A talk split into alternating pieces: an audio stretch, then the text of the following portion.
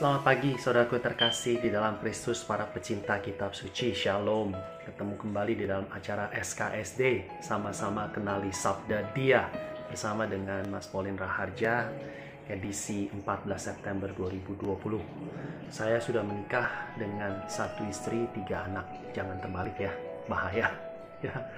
Baik, ya saya akan mulai dengan hari ini dengan satu ilustrasi Pernah nggak ketika Anda mau doa rosario, Anda lihat rosario Anda kusut seperti ini, tangled everywhere. Gimana cara membebasinnya? Pertama adalah Anda fokus pada salibnya. Kemudian arahkan kepada pusat persoalan simpulnya, loosen kanan kirinya, izinkan salib ini menerobos gitu ya, menghajar langsung gitu ya, pokok simpul tersebut gitu ya. Kemudian kita bisa membebaskan rosarionya sehingga kita bisa gunakan Kenapa saya mulai dengan ilustrasi ini? Karena hari ini gereja merayakan pesta salib suci. Ilustrasi tadi menggambarkan bahwa pusat hidup Anda dan saya adalah Yesus yang tergantung di kayu salib. Karena dia sanggup menerobos, menyembuhkan, dan menyelamatkan. Bacaan-bacaan hari ini ada tiga bacaan, yaitu yang pertama dari kitab bilangan bab 21 ayat 4 sampai 9. Bercerita tentang bagaimana bangsa Israel saat itu bersungut-sungut, marah.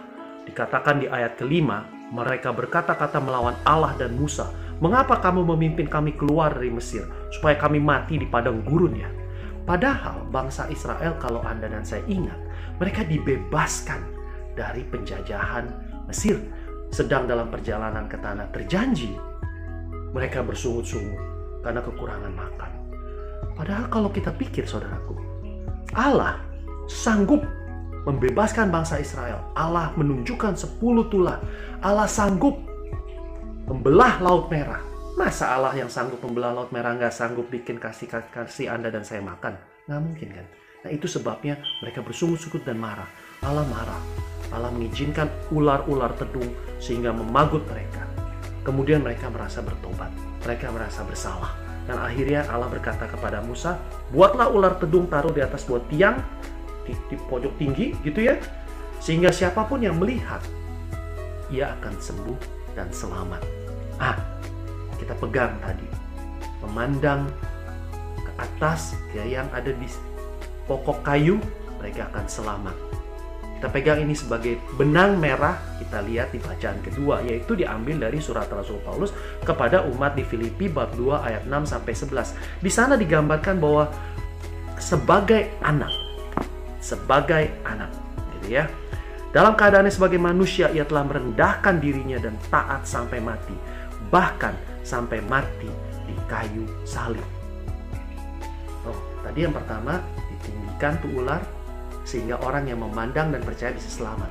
Bacaan kedua, Rasul Paulus mengingatkan kepada umat di Filipi bahwa mereka yang percaya kepada Yesus akan selamat. Dan Yesus sebagai Allah tidak memanfaatkan power Bapaknya di surga, melainkan dia memilih sebagai hamba, anak manusia, wafat di kayu salib. Penutupnya adalah Injil hari ini saudaraku.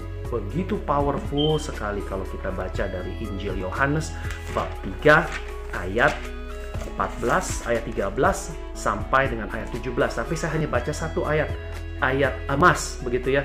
Karena begitu besar kasih Allah akan dunia ini sehingga ia telah mengaruniakan anak yang tunggal supaya setiap orang yang percaya kepadanya tidak binasa melainkan beroleh hidup yang kekal.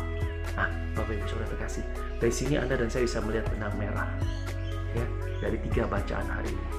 Powerful luar biasa saudaraku. Nubuat sudah terjadi jauh sebelum Yesus lahir. Sudah dikatakan bahwa Allah akan mengutus anaknya yang akan disalib, ditinggikan, ya. Namun mereka yang memandang salib, Anda dan saya akan selamat dan saya masih ingat mungkin satu ucapan Yesus di kayu salib diambil dari Injil Lukas bab 23 ayat 34. Kata Yesus, "Ya Bapa, ampuni mereka sebab mereka tidak tahu apa yang mereka perbuat." Mereka berpikir menyalibkan Yesus adalah hukuman, namun justru keselamatan. Mari saudaraku terkasih, kita rayakan salib suci hari ini. Tuhan berkati.